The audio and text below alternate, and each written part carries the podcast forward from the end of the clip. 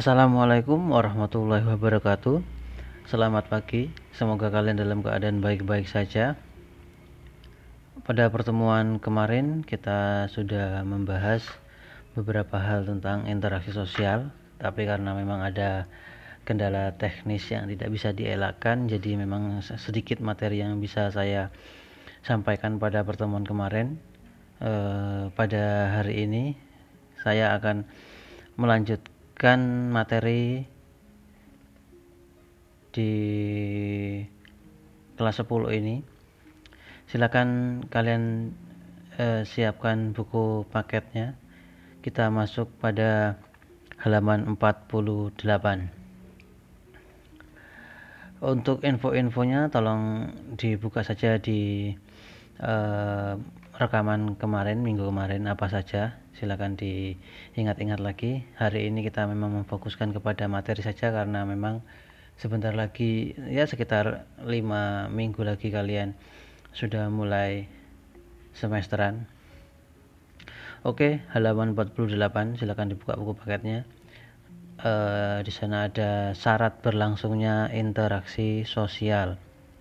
E, syarat berlangsungnya interaksi sosial itu sendiri dibagi menjadi dua yang pertama itu adalah kontak sosial dan yang kedua itu adalah komunikasi Syarat bagi berlangsungnya sebuah interaksi sosial adalah adanya kontak sosial dan komunikasi. Adapun maksud kontak sosial dan komunikasi akan diuraikan sebagai berikut.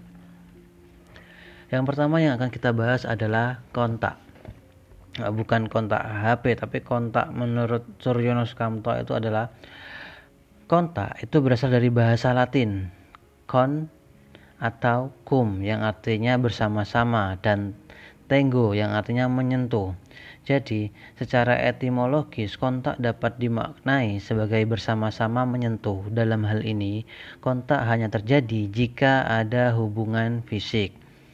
Namun, seiring perkembangan teknologi modern, orang-orang melakukan kontak meskipun tanpa adanya hubungan fisik, misalnya adalah dengan menggunakan telepon atau pesan singkat.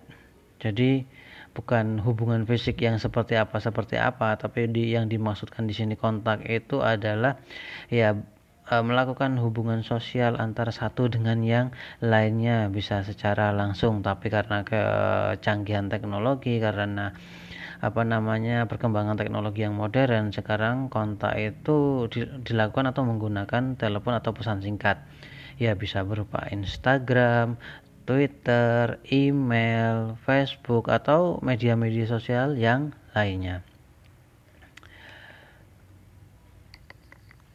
Kontak dapat dibedakan berdasarkan proses dan sifatnya. Berikut ini adalah penjelasan kontak berdasarkan proses dan sifatnya.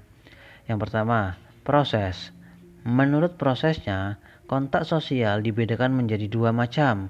Adapun jenis kontak sosial berdasarkan prosesnya adalah sebagai berikut. Kontak primer terjadi apabila berlangsung secara berhadapan atau bertatap muka. Jadi kontak primer ini adalah kontak yang terjadi secara langsung, hadap-hadapan, e, saling melihat. Contohnya berjabat tangan, saling tersenyum, bertukar pandang dan sebagainya. Ini biasanya kalian sering uh, lakukan ketika kalian bertemu dengan orang-orang ataupun ketemu dengan sahabat-sahabat kalian ataupun dengan orang tua kalian. Yang kedua adalah kontak sekunder terjadi apabila kontak yang berlangsung dilakukan melalui perantara atau sebuah media. Contoh, seseorang yang melakukan kontak dengan sahabat lamanya menggunakan surat elektronik email yang kemudian mendapat tanggapan respon dari pihak yang dituju. Ini contohnya cukup uh, jarang kalian gunakan mungkin mengenai email. Ini biasanya kalian gunakan untuk uh, mengirim sebuah pesan tugas. Tapi kontak sekunder ini bisa dicontohkan seperti kalian menggunakan WhatsApp, Instagram, Twitter, Facebook ataupun media-media sosial yang lainnya yang memang uh, ditujukan kepada orang yang ingin kalian ajak untuk berkomunikasi. Itu adalah dua kontak primer dan sekunder menurut prosesnya. Sekarang kita menurut sifatnya. Kontak sosial dapat ditinjau menurut sifatnya. Adapun sifat dari kontak sosial adalah sebagai berikut. Yang pertama, kontak positif. Bentuk kontak yang mengarah pada suatu kerjasama. Contoh, sikap ramah dan sopan. Seorang anggota panitia pentas seni yang mengajukan proposal permohonan bantuan pada eh, bantuan dana kepada pimpinan sebuah lembaga belajar Pengajuan tersebut lantas ditambah, ditanggapi dengan kesediaan pimpinan lembaga bimbingan belajar yang bersangkutan untuk menjalin kerjasama dan memberikan bantuan sejumlah dana sebagai bentuk partisipasi. Jadi kontak positif ini kontak yang mengarah pada suatu kerjasama. Jadi nek kalian uh, berkomunikasi, ramah tamah, terus sopan, itu akan berujung pada sebuah kesan ataupun uh, pandangan yang baik, tidak uh, menimbulkan sebuah uh, bentrokan ataupun sebuah uh, kesalahpahaman antara kedua belah pihak. Jadi kontak di kontak positif di sini itu menjelaskan mengenai adanya sebuah kerjasama yang menghasilkan sebuah keputusan yang disepakati secara bersama-sama. Yang kedua, itu adalah kontak negatif. Adalah bentuk kontak yang mengarah pada suatu pertentangan atau tidak adanya respon dalam interaksi sosial. Contoh, seorang cucu yang mencoba berbincang dengan kakeknya yang telah rabun dan kehilangan pendengaran akibat usia tua aksi yang dilakukan tersebut pastinya tidak akan mendapat respon karena kakek tersebut tidak dapat mendengar atau melihat isyarat komunikasi yang disampaikan oleh cucunya. Di sini kadang eh, kalian yang memiliki eh, kakek atau nenek yang yang pendengarannya sudah mulai kurang, terus penglihatannya sudah mulai rabun, itu kadang eh, untuk berkomunikasi itu tidak menimbulkan Eh, komunikasi yang kalian inginkan. Biasanya berbeda tanggapan dari satu dengan tanggapan yang lainnya. Respon yang dihasilkan pun berbeda ketika uh, kalian bilang apa, kakek terima dengarnya apa. Terus ketika kakek minta ambilkan apa kalian terima dengarnya apa dan dan sebaliknya seperti itu. Jadi kontak negatif itu bentuk kontak yang mengarah pada suatu pertentangan atau tidak adanya respon dalam interaksi sosial. Ya bisa juga yang dimaksud pertentangan-pertentangan itu ya pertentangan-pertentangan yang mengarah kepada uh, pertikaian. Jadi kadang-kadang kalian berbicara dengan uh, teman-temannya kadang e, mengeluarkan kata-kata yang tidak pantas akhirnya menimbulkan sebuah e, pertikaian kedua belah pihak Oke, berikutnya komunikasi. Tadi sudah jelas ada kontak sosial itu di halaman 49, sekarang mengarah ke komunikasi. Sebelum kita ke komunikasi, silakan kalian lihat dulu gambar di bawahnya itu. Itu ada perkumpulan anak-anak SMP yang sedang belajar berkelompok ada laki-laki perempuan ada buku-buku di sampingnya ada uh, yang mengarah kepada buku yang melihat ke temannya yang memegang bolpen dan lain sebagainya. Oke kita lanjutkan. Komunikasi. Menurut Onong Uchiana dalam Bukin 2008, komunikasi merupakan proses penyampaian pesan atau simbol berisikan pikiran dan perasaan oleh seseorang kepada orang lain. Pikiran dapat berupa gagasan, informasi, opini, dan lain-lain yang muncul dari benaknya. Adapun yang dimaksud dengan perasaan bisa berwujud keyakinan, kepastian, keraguan, kekhawatiran, kemarahan, keberanian, kegairahan, luapan kasih, dan sebagainya yang timbul dari lubuk hati. Adapun unsur-unsur dalam komunikasi menurut Bunguin 2008 adalah komunikator, pihak yang memulai berkomunikasi, sedangkan pesan suatu yang hendak disampaikan, media saluran untuk penyampaian pesan. Komunikan pihak yang dituju sebagai sasaran komunikasi dan tanggapan itu adalah reaksi dari komunikasi sebagai tafsiran atas pesan. Jadi unsur-unsur dalam komunikasi itu yang pertama itu adalah komunikator, pesan, terus media, komunikan dan tanggapan. Oke, berikutnya Komunikasi menurut hakikatnya itu ada beberapa. Yang pertama, komunikasi verbal. Komunikasi verbal meliputi kata-kata yang diucapkan atau tertulis. Hal yang perlu diperhatikan dalam komunikasi verbal adalah sebagai berikut. Perbendaharaan kata, itu yang pertama. Komunikasi tidak akan efektif jika pesan disampaikan dengan kata-kata yang tidak dimengerti oleh komunikan. Oleh karena itu, sangat penting untuk memilih kata-kata yang tepat saat berkomunikasi.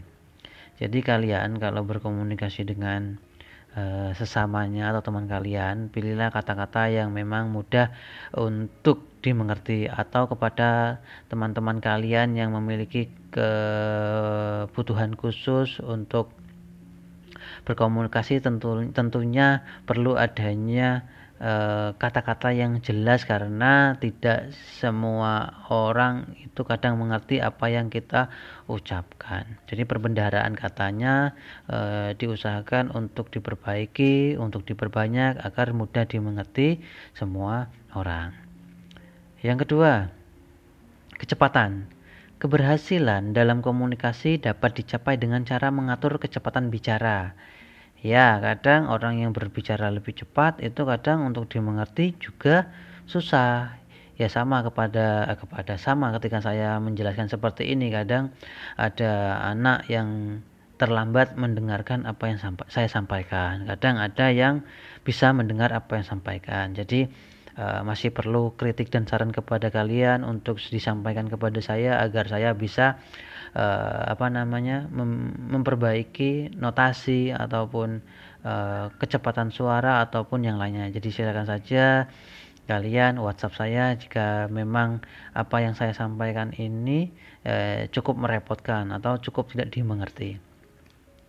Yang berikutnya adalah intonasi suara.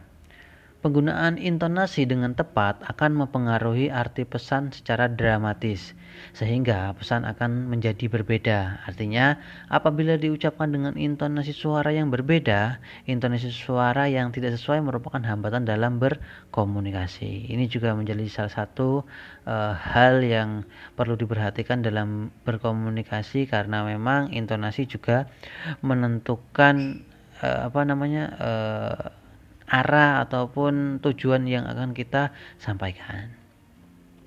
Yang berikutnya adalah humor, adalah selingan dalam berkomunikasi. Selain sangat membantu menyampaikan pesan, humor juga dapat dimuati pesan yang ingin disampaikan. Ya, kalian sendiri paham lah humor itu seperti apa, wong. Kalian pasti memiliki teman satu sama lainnya yang suka uh, berkumpul pasti ada salah satu dari kalian teman yang suka ataupun hobinya suka memberikan humor di, di setiap kesempatan. Singkat dan jelas itu yang kelima. Komunikasi akan efektif jika disampaikan secara singkat, jelas, langsung menuju pada pokok permasalahan sehingga lebih mudah dimengerti. Sama halnya ketika kalian berbicara, berbicara secara, secara langsung ataupun menggunakan pesan singkat. Singkat dan jelas ini penting diutamakan karena memang ketika kalian berkomunikasi alangkah baiknya langsung kepada tujuan yang ingin kalian sampaikan. Jika terlalu lama memberikan uh, interlude itu akan juga akan memberikan dampak ataupun pesan kalian sampaikan nanti menjadi lupa. Yang berikutnya adalah waktu yang tepat. Ketepatan waktu adalah hal kritis yang perlu diperhatikan karena komunikasi hanya akan bermakna jika seseorang bersedia untuk berkomunikasi. Artinya, dapat menyediakan waktu untuk mendengar atau memperhatikan apa yang disampaikan oleh orang lain.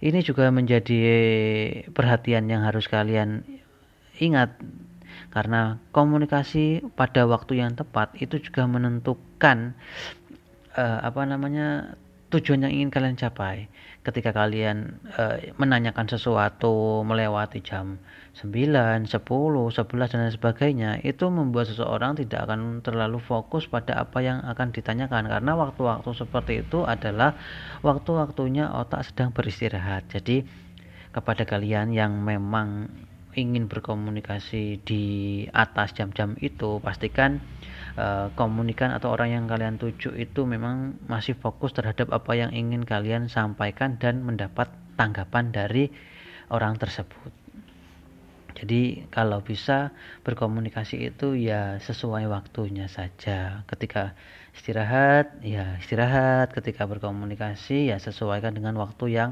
umum sering dilakukan kebanyakan orang. Kalau sudah jam 11, 12 ya hindarilah untuk berkomunikasi atau menanyakan sesuatu kepada orang lain karena memang di jam-jam seperti itu orang yang kalian tuju belum tentu dia uh, bisa menjawab dengan baik apa yang ingin kalian tanyakan. Yang berikutnya adalah yang B. Tadi adalah komunikasi verbal, sekarang komunikasi non verbal. Komunikasi non verbal yakni penyampaian pesan tanpa kata-kata dan hanya menggunakan gerak tubuh. Adapun termasuk komunikasi non verbal adalah sebagai berikut. Yang pertama itu adalah ekspresi wajah. Wajah merupakan sumber yang kaya dengan pesan karena ekspresi wajah mampu mencerminkan suasana emosi seseorang. Tentunya kalian pasti menyadari mengenai ekspresi wajah ini seperti apa kalau kalian sedang sedih, bahagia itu akan terlihat dari ekspresi wajah kalian masing-masing. Yang kedua adalah kontak mata merupakan sinyal alamiah untuk berkomunikasi dengan mengadakan kontak mata selama berinteraksi. Berarti orang tersebut terlibat dan menghargai lawan bicaranya dengan kemauan untuk memperhatikan bukan sekedar mendengarkan. Ini penting kalian ingat kontak mata. Saat ini sering sekali uh, dalam berkomunikasi apalagi anak-anak saat ini yang suka dengan kecanggihan teknologi kadang berkomunikasi saja kurang menghargai lawan bicaranya sambil main HP, sambil main game dan sambil buka sosial media. Jangan sampai kalian ketika berkomunikasi dengan orang yang lebih tua ataupun dengan teman sejawat kalian ketika berbicara kalian ataupun ketika teman kalian berbicara kalian main HP. Jadi pastikan sikap saling menghargai satu sama lainnya itu harus tetap dijunjung tinggi karena pada dasarnya menghargai itu tidak ternilai harganya dibanding kalian dengan main HP sedangkan waktu main HP kalian kan sudah banyak dilakukan di sepanjang jam hidup kalian jadi tolong diingat ketika pesan saya ini kalau bisa ketika kalian sedang berkomunikasi pastikan kalian tidak memegang alat komunikasi. Tetap perhatikan, tetap menghargai lawan bicara kalian. Yang berikutnya itu adalah sentuhan. Bentuk komunikasi personal mengingat sentuhan lebih bersifat spontan dibanding komunikasi verbal. Beberapa pesan seperti perhatian yang sungguh-sungguh, dukungan emosional, kasih sayang, atau simpati dapat dilakukan melalui sentuhan. E, percaya atau tidak percaya, sentuhan juga dapat membuat seseorang itu menjadi e, lebih terkontrol emosinya. Jangankan manusia, hewan saja yang sering e, mendapatkan perlakuan dari sentuhan majikannya itu, itu akan lebih jinak dibanding dengan hewan yang tidak pernah mendapatkan sentuhan dari majikannya. Hampir sama dengan manusia. Ketika kalian sering disentuh atau diusap-usap kepalanya oleh orang tua ataupun sering dibelai-belai oleh ibu atau bapaknya, itu menunjukkan kasih sayang bahwasanya sentuhan itu juga penting terhadap tumbuh kembang anak anak-anak yang sering mendapatkan perhatian atau mendapatkan sentuhan itu akan jauh lebih menghargai orang tuanya karena memang kasih sayang perlu adanya sentuhan. Kalaupun memang dari kalian tidak mendapatkan ini, bukan berarti tidak orang tua kalian itu tidak menyayangi kalian. Mungkin karena beberapa hal yang memang berada di rumah kalian tidak memungkinkan ataupun tidak uh, ya tidak memungkinkan orang tua melakukan sentuhan kepada kalian. Mungkin pada waktu sore hari ketika sedang berkumpul di taman atau sedang malam hari ketika kalian sedang berbincang-bincang di ruang tamu ataupun meja makan. Ya jadi sentuhan ini memang penting untuk anak-anak yang sedang dalam proses tumbuh kembang. Seperti uh, apa ya? Ya seperti itu tadi seperti yang saya bilang burung saja akan jauh lebih uh, jinak ketika mendapatkan sentuhan apalagi manusia yang memang memiliki akar akar akal pikiran tentunya akan lebih paham mengenai ini berikutnya adalah postur tubuh dan gaya berjalan cara seseorang berjalan duduk berdiri, dan bergerak memperlihatkan ekspresi dirinya, postur tubuh, dan gaya berjalan merefleksikan emosi, konsep diri, dan tingkat kesehatan. Ini juga uh, menjelaskan tentang bagaimana komunikasi non verbal, cara berjalan seseorang ataupun duduk, berdiri dan bergerak memperlihatkan ekspresi dirinya atau kan kalian sering melihat uh, ketika teman kalian berjalannya terburu-buru. Tentunya memiliki pesan bahwasanya ia sedang mengejar sesuatu yang kadang lebih penting dibanding ketika mereka sedang berjalan normal seperti ekspresi berjalan orang pada umumnya. Terus apa namanya?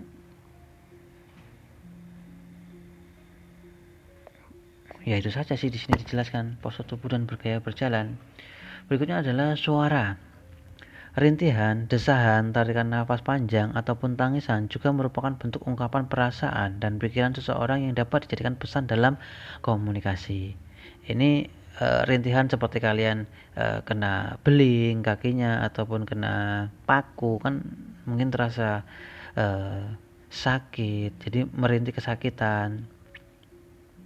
Terus tarikan nafas yang panjang itu mungkin karena Eh, sedang nangis ataupun emosi ataupun marah dan lain sebagainya. Yang terakhir adalah gerakan isyarat. Dapat memberikan kesan kepada orang lain menggunakan isyarat sebagai bagian total dari komunikasi seperti mengetuk-ketuk kaki atau meremas tangan selama berbicara, mengesankan bahwa seseorang dalam keadaan tertekan, bingung atau berupaya menyembunyikan sesuatu. Gerakan isyarat ini juga sama menunjukkan sebuah uh, komunikasi. Uh, Ratu Elizabeth juga menggunakan ini ketika ia meletakkan tasnya itu dianggap dia suka berbicara dengan uh, lawan bicaranya. Tapi ketika ia mulai uh, apa ya kodenya saya lupa ya ketika dia oh memindahkan tasnya ke kiri atau ke kanan ya saya lupa. Tapi itu kodenya adalah dia tidak nyaman berbicara dengan lawan bicaranya. Jadi ingin segera-segera apa ingin segera mengakhiri pembicaraan tersebut. Jadi gerak isyarat ini juga penting dalam berkomunikasi. Oke sejauh ini ada pertanyaan tidak? Untuk kontak dan komunikasi baik verbal maupun non verbal baik sifat maupun prosesnya. Jadi silakan ditanyakan saja. Oke berikutnya. Komunikasi menurut prosesnya komunikasi ini dibedakan menjadi dua yaitu komunikasi langsung dan komunikasi tidak langsung yang pertama Komunikasi langsung terjadi jika komunikator dan komunikan bertemu secara langsung sehingga komunikasi dapat berjalan tanpa perantara dan pesan yang disampaikan komunikator dapat langsung memperoleh tanggapan dari komunikan.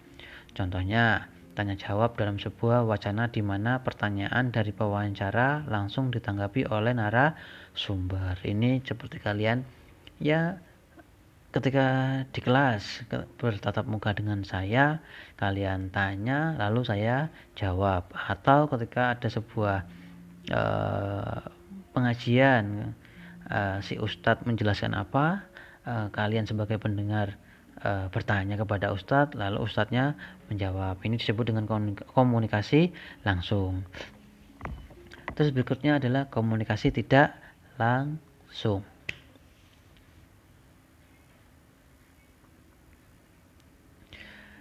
Komunikasi yang terjadi apabila pesan dari komunikator disampaikan melalui perantara media komunikasi kepada komunikan.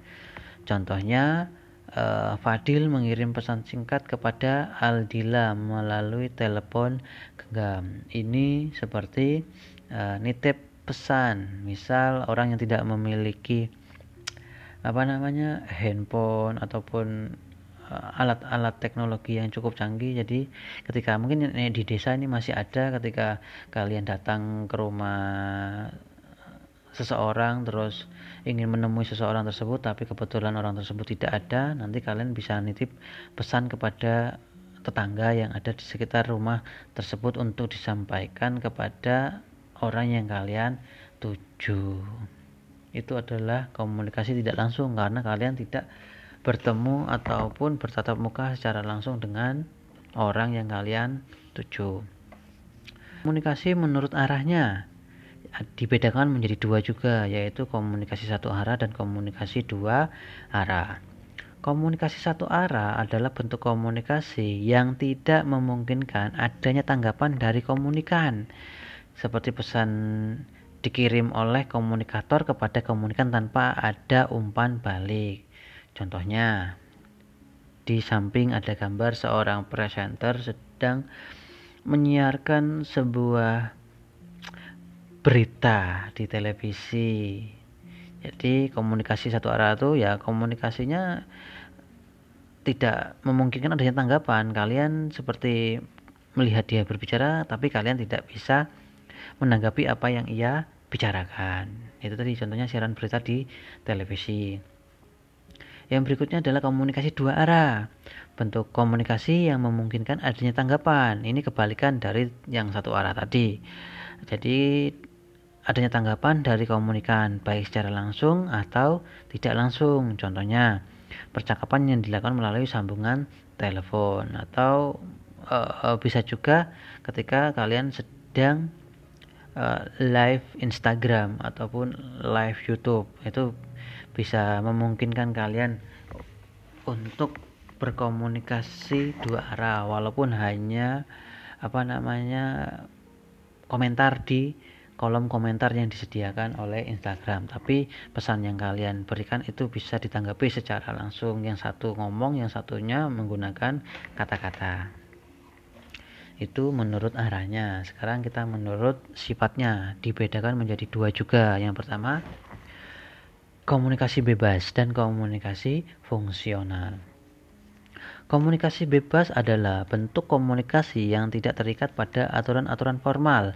Pihak yang berkomunikasi hanya diikat oleh tata krama dalam pergaulan. Contoh, percakapan antara seorang ibu-ibu dengan anak laki-lakinya. Itu komunikasi bebas. Jadi komunikasi ini tidak terikat pada aturan formal.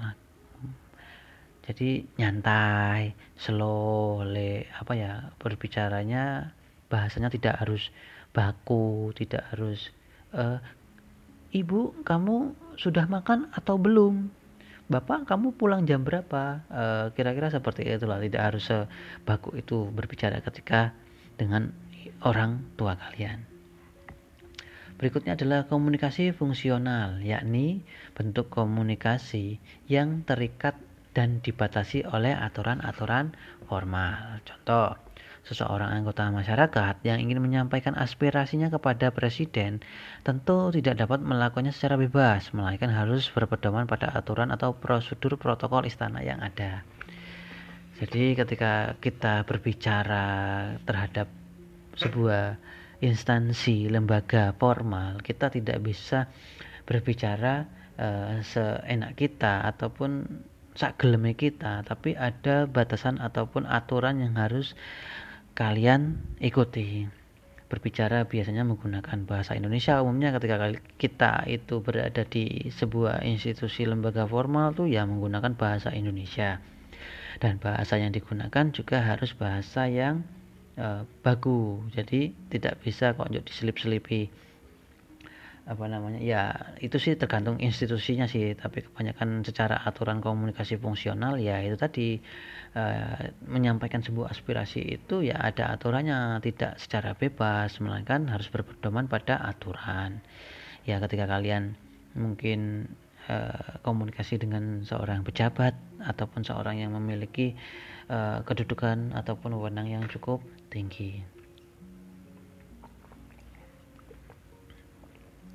Yang terakhir, komunikasi menurut sasarannya itu juga dibedakan menjadi dua. Komunikasi individu dan komunikasi massal. Komunikasi individu, komunikasi yang berlangsung antar individu. Pesan dari komunikator ditujukan pada satu atau beberapa komunikan yang umumnya telah dikenal. Contoh, Aulia dan Nanda berbincang mengenai pentas seni yang akan diadakan oleh OSIS SMA di sekolahnya. Jadi komunikasi ini terjadi antara dua orang saja, ditujukan kepada satu atau beberapa komunikan yang umumnya telah dikenal. Itu contohnya ada di gambar di samping dua orang eh, mbak-mbak uh, yang sedang berhadapan-hadapan duduk di sebuah kursi sedang berkomunikasi. Berikutnya adalah komunikasi massal. Komunikasi yang ditunjukkan kepada masyarakat luas, contohnya pemerintah dan Komisi Pemilihan Umum menyampaikan pesan kepada masyarakat melalui media cetak maupun elektronik mengenai tata tata tata, tata cara pencontrengan dalam pemilihan umum. Ya, ini sebentar lagi mungkin terjadi di Sleman, di Bantul, dan di beberapa tempat yang lainnya yang akan melakukan pencoblosan uh, bupati ataupun lurah ataupun apa yang memang sedang terjadi nanti juga akan ada uh, sosialisasi dari pihak KPU ataupun pihak yang mencalonkan diri maju sebagai calon pemimpin di daerahnya masing-masing. Itu juga disebut dengan komunikasi massal. Meskipun sedikit menjadi kontroversi kaitannya dengan uh, berkerumun untuk menyampaikan aspirasi karena memang saat ini sedang gencar-gencarnya untuk tidak berkerumun tapi kayaknya izinnya jadi. Jadi saya juga tidak mau terlalu jauh mengenai itu. Jadi intinya pemerintah ataupun Komisi Pemilihan Umum KPU menyampaikan pesan kepada masyarakat melalui media cetak maupun elektronik mengenai tata cara pencoblosan dan pemilihan umum jadi komunikasi masalah itu satu orang berbicara tapi menyampaikan kepada banyak orang. Oke untuk komunikasi itu atau syarat berlangsungnya interaksi itu sampai di sini. Sejauh ini apakah ada pertanyaan? Silakan kalian tanyakan saja melalui WhatsApp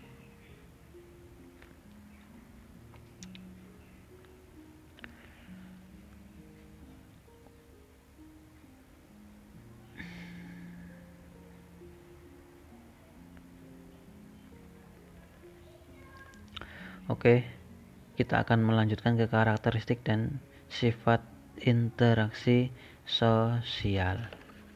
Karena karena memang tinggal beberapa minggu lagi, jadi memang harus saya kebut ini sampai uh, malam ini. Tapi sebelum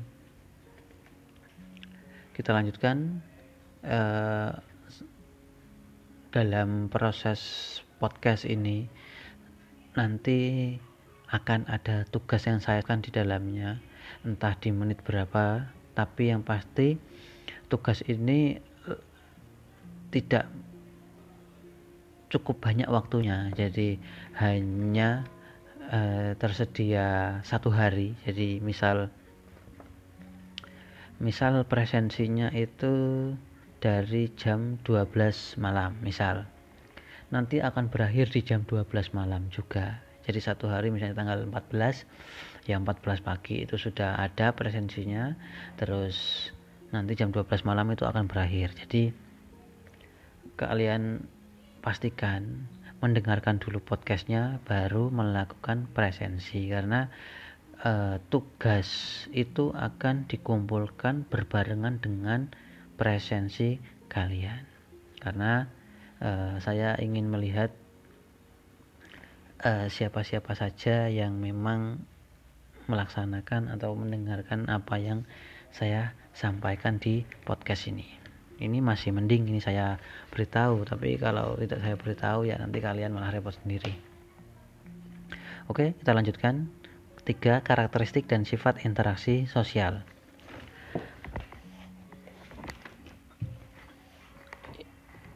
Sebagai suatu proses sosial secara umum dan mendasar, interaksi sosial memiliki sejumlah karakteristik. Adapun karakteristik interaksi sosial akan dijelaskan sebagai berikut. Yang pertama, pelaku berjumlah lebih dari satu orang. Interaksi sosial haruslah bersifat timbal balik, di mana suatu aksi ditanggapi dengan reaksi dari pihak yang dituju. Untuk itu dibutuhkan sedikit dua orang untuk memulai interaksi. Jadi interaksi itu harus lebih dari satu orang agar terjadi sebuah timbal balik. Kalau satu orang yang ngomong sendiri itu tidak ada interaksi. Tapi kalau ada dua orang itu bisa disebut dengan interaksi. Yang kedua komunikasi antara masing-masing pihak menggunakan berbagai simbol yang dapat dipahami maknanya oleh masing-masing pihak. Simbol yang paling lazim digunakan adalah kata-kata. Suatu kata tidak memiliki makna yang melekat melainkan hanyalah sebuah bunyi. Kata akan mempunyai makna jika orang-orang sependapat bahwa bunyi tersebut mengandung arti tertentu. Dapat disimpulkan bahwa kata merupakan simbol-simbol suara yang mengandung arti bersama dan bersifat standar.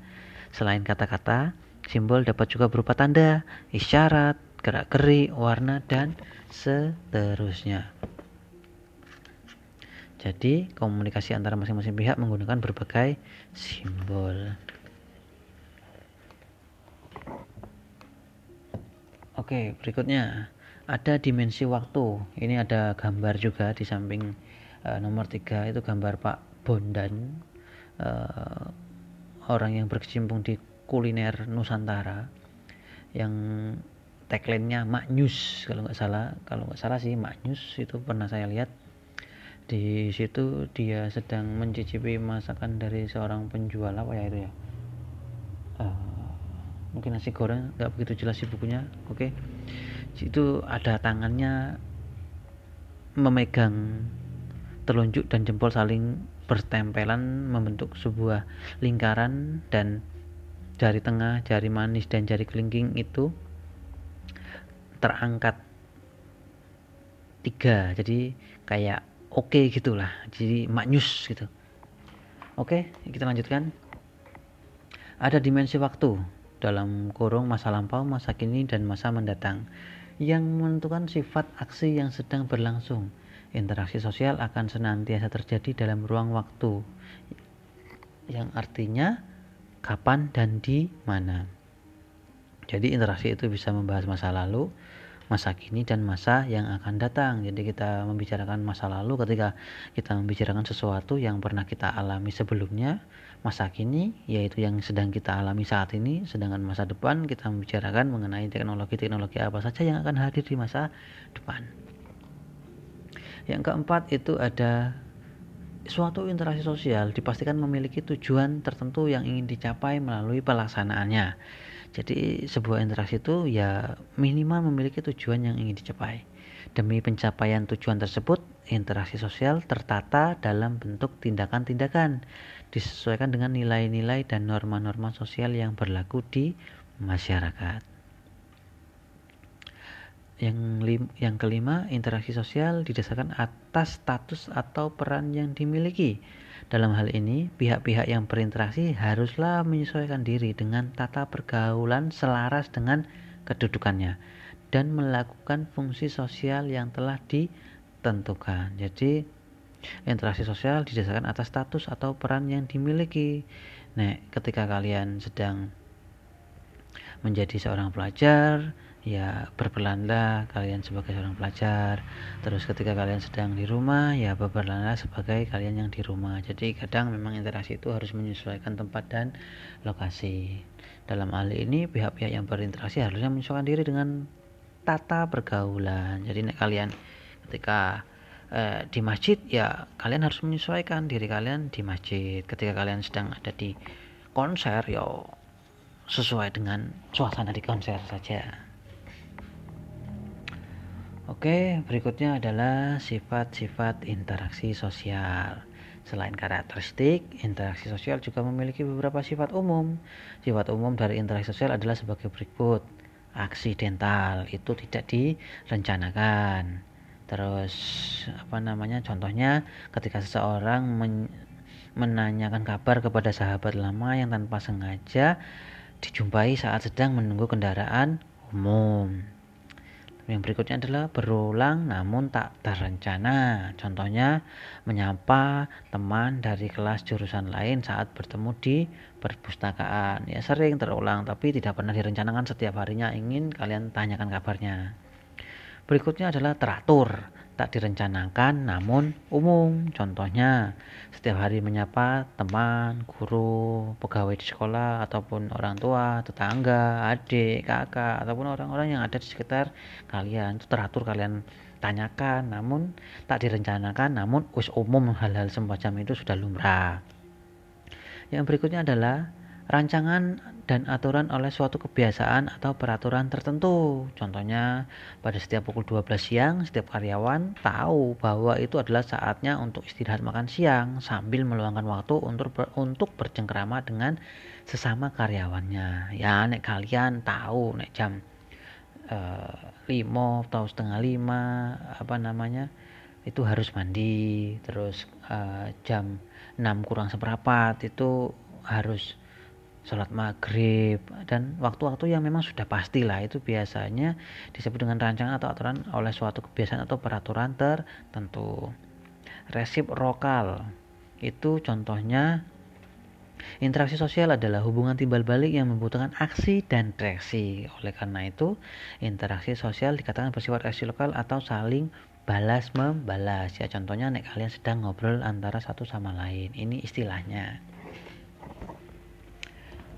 berikutnya. Masih di halaman 54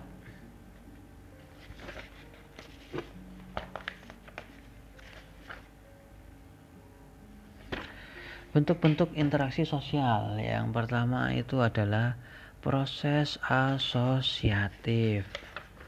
Terus yang kedua itu adalah proses disosiatif. Oke. okay kita akan masuk ke proses asosiatif di halaman 55 Kerjasama adalah sebuah perwujudan minat dan perhatian sejumlah orang untuk bekerja sama bersama-sama dalam suatu kesepahaman meskipun motifnya mungkin saja tertuju pada kepentingan diri sendiri. Contohnya, Beberapa tokoh masyarakat yang bekerja sama dengan, dalam mendirikan sebuah partai politik dengan dilandasi oleh semangat untuk membenahi carut-marut kondisi negara dengan menunjukkan keberpihakan kepada rakyat.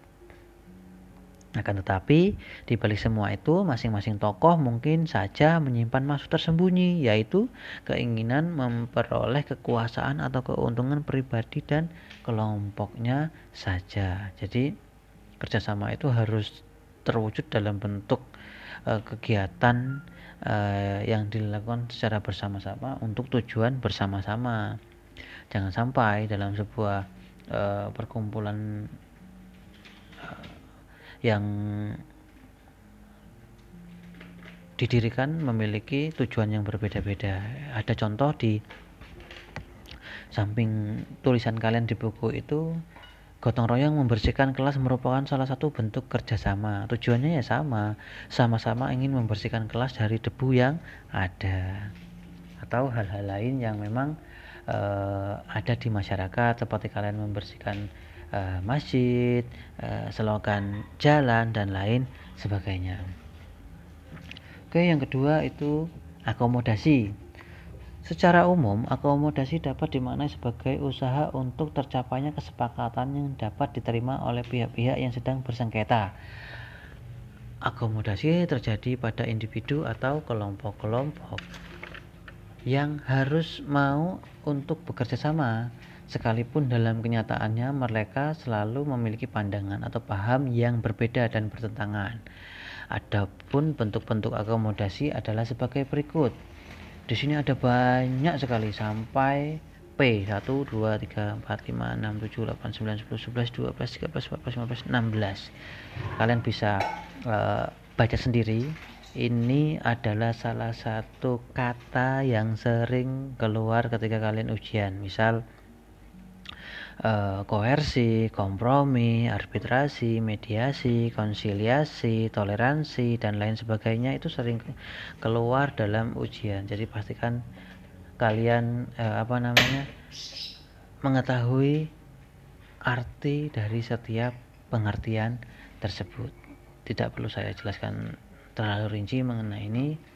Ini adalah salah satu bentuk akomodasi yang sering hadir mungkin ada beberapa yang sudah familiar menurut kalian. Yang pertama itu mungkin kompromi. Pastinya kalian pernah atau berkompromi kepada teman-teman kalian untuk merencanakan sesuatu ataupun e, untuk menyelesaikan suatu perselisihan e, dalam sebuah permasalahan kelompok. Atau mediasi. Pernah juga mungkin dari kalian melakukan mediasi bukan bertapa ini tapi e, hanya saja peran pihak ketiga mempunyai sikap tidak memihak atau tetap mencoba untuk mempertemukan serta mendamaikan pihak-pihak yang bersengketa di mana nantinya juga akan diberikan saran atau masukan yang bersifat konstruktif. Akan tetapi saran atau masukan tersebut tidak harus selalu dipatuhi. Jadi mediasi ini menghadirkan pihak ketiga untuk memberikan masukan yang tidak memihak satu sama lainnya. Jadi istilah-istilah ini uh, hampir tidak asing bagi kalian atau cukup lumrah lah buat kalian. Berikutnya adalah asimilasi. Merupakan proses sosial yang ditandai dengan adanya usaha-usaha untuk mengurangi perbedaan dan mencakup upaya meningkatkan kesatuan sikap, tindakan, maupun proses-proses mental dengan memperhatikan kepentingan dan tujuan bersama. Jadi asimilasi dalam masyarakat itu terjadi ketika e, berbagai kelompok manusia dengan latar belakang berbeda kebudayaan yang berbeda-beda berinteraksi secara intensif dalam waktu yang cukup lama. Pada prosesnya asimilasi terjadi peleburan kebudayaan sehingga pihak-pihak yang tengah berasimilasi akan merasakan adanya kebudayaan tunggal sebagai milik bersama.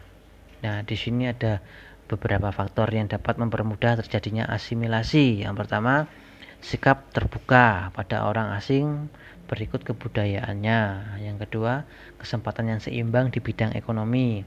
Yang ketiga, sikap terbuka golongan penguasa sehingga meniadakan kemungkinan terjadinya diskriminasi terhadap kelompok-kelompok tertentu. Yang keempat, persamaan dalam unsur-unsur kebudayaan universal. Yang kelima, perkawinan campuran. Yang yang terakhir itu adalah adanya ancaman musuh bersama dari luar. Sadar akan adanya ancaman musuh bersama, golongan-golongan di dalam masyarakat sangat mungkin akan melupakan perbedaan-perbedaan yang ada sehingga memudahkan asimilasi. Yang berikutnya adalah akulturasi adalah proses sosial yang timbul manakala suatu kelompok manusia dengan kebudayaan tertentu dihadapkan dengan unsur dari suatu kebudayaan asing. Kebudayaan asing itu lambat laun diterima dan diolah ke dalam kebudayaan sendiri tanpa menyebabkan hilangnya unsur kebudayaan sendiri. Jadi percampuran kedua kebudayaan. Oke, sampai di situ ada pertanyaan? Kalau tidak ada, kita lanjutkan. Proses disosiatif. Yang pertama itu adalah proses disosiatif mempunyai bentuk beragam. Adapun bentuk-bentuk yang beragam tersebut adalah sebagai berikut. Yang pertama adalah persaingan. Suatu perjuangan dari berbagai pihak untuk mencapai tujuan tertentu Persaingan dapat dibedakan atas persaingan pribadi, persaingan kelompok. Persaingan pribadi umumnya disebabkan oleh motivasi. Adapun motivasi menimbulkan persaingan pribadi adalah sebagai berikut. Yang pertama itu adalah untuk mendapatkan status sosial, memperoleh jodoh, merebut kekuasaan atau kepemimpinan, mengukir nama baik, dan mencapai prestasi dan ambisi pribadi. Jadi persaingan itu bisa eh, persaingan individu ataupun bisa persaingan secara kelompok. Nek persaingan secara individu itu ya seperti pemain bola di samping apa ya buku kalian itu ya kadang bermain bagus untuk dirinya sendiri tanpa melihat teman-teman yang lainnya itu ya persaingan pribadi tapi ketika uh, persaingan kelompok itu ya satu klub sepak bola itu ya bersaing dengan kelompok yang lainnya untuk menjadi yang terbaik di antara kelompok-kelompok yang lainnya. Yang berikutnya adalah halaman 59 kontravensi. Merupakan bentuk proses sosial yang berada di antara persaingan dan konflik. Kontravensi ditandai dengan adanya gejala-gejala ketidakpastian mengenai diri, diri seseorang, perasaan tidak suka yang disembunyikan dan kebencian atau keraguan. Terus Leopold von Uys dan Howard Becker dalam Sukanto membedakan bentuk-bentuk kontravensi sebagai berikut. Yang pertama, kontravensi umum meliputi perbuatan-perbuatan seperti penolakan, keengganan untuk bekerja sama, perlawanan, tindakan menghalang-halangi, protes, gangguan, perbuatan kekerasan, dan mengacungkan, eh, mengacaukan rencana pihak lain. Yang berikutnya adalah kontravensi sederhana seperti membantah, menyangkal, penyataan orang lain di muka umum, mencerca, memfitnah, melemparkan beban pembuktian kesalahan kepada pihak lain dan seterusnya. Yang berikutnya adalah kontravensi intensif, mencakup penghasutan, menyebarkan desas-desus, mengecewakan pihak lain dan sebagainya. Berikutnya adalah kontravensi taktis seperti mengejutkan lawan, mengganggu dan membingungkan pihak lain.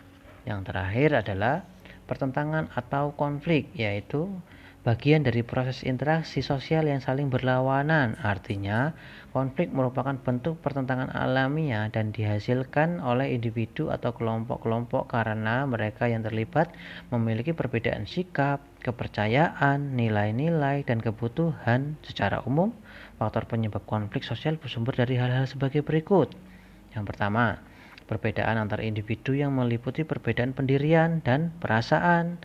Berbe yang berikutnya adalah perbedaan kebudayaan, lalu perbedaan kepentingan antara individu atau antar kelompok, atau situasi yang bertolak belakang atau kesenjangan. Berikutnya adalah perbedaan cara mencapai tujuan. Yang berikutnya adalah ketidaksamaan status dan yang terakhir adalah adanya perubahan sosial yang cepat dan mendadak dalam masyarakat.